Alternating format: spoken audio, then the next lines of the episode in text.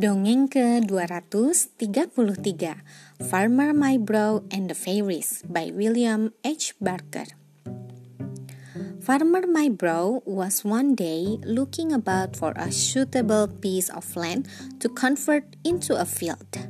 He wished to grow corn and yams. He discovered a fine spot close to a great forest, which was the home of some fairies. He set to work at once to prepare the field. Having sharpened his great knife, he began to cut down the bushes. No sooner had he touched one than he heard a voice say, Who is there cutting down the bushes? Mybrow was too much astonished to answer. The question was repeated. This time the farmer realized that it must be one of the fairies and so replied, I am Mybrow, come to prepare a field. Fortunately for him, the fairies were in great good humor. He heard one say, Let us all have Farmer Mybrow to cut down the bushes. The rest agreed. To Mybrow's great delight, the bushes were all rapidly cut down with very little trouble on his part. He returned home exceedingly well pleased with his day's work having resolved to keep the field a secret even from his wife. Early in January, when it was time to burn the dry bus, he set off to his field. One afternoon, with the means of making a fire, hoping to have a fairy's assistance once more, he intentionally struck the trunk of a tree as he passed. Immediately came the question Who is there striking the stumps?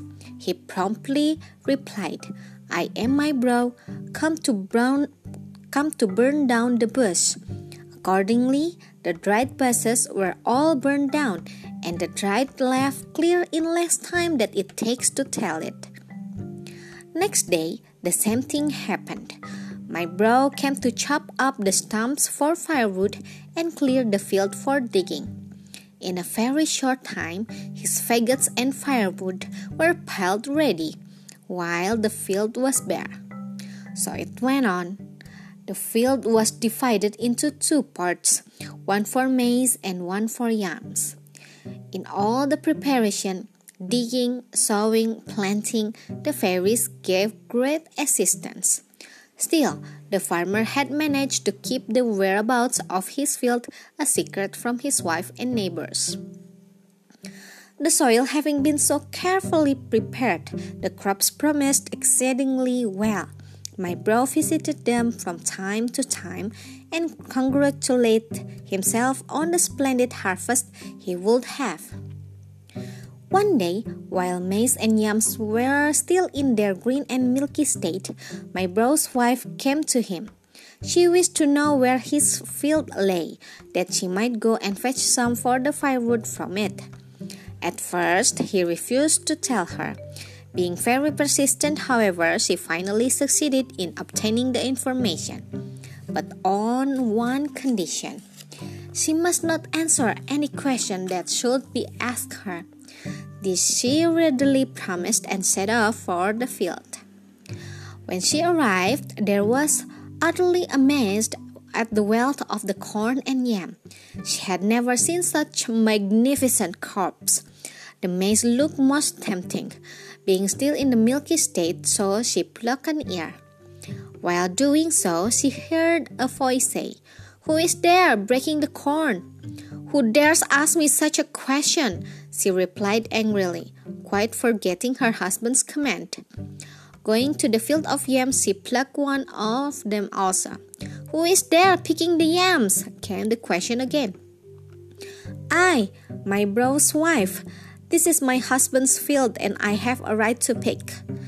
Come, out come the fairies. Let us all help Mybrow's wife to pluck her corn and yams, said they.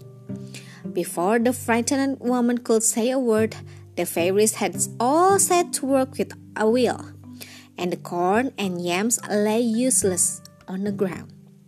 Being all green and unripe, the harvest was now utterly spoiled.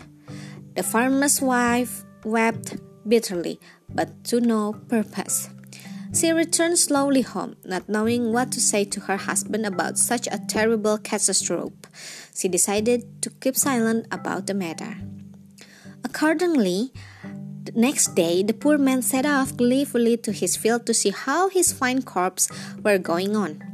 His anger and dismay may be imagined when he saw his field a complete ruin. All his work and foresight had been absolutely ruined through his wife's forgetfulness of her promise. Sekian, terima kasih telah mendengarkan. Selamat malam.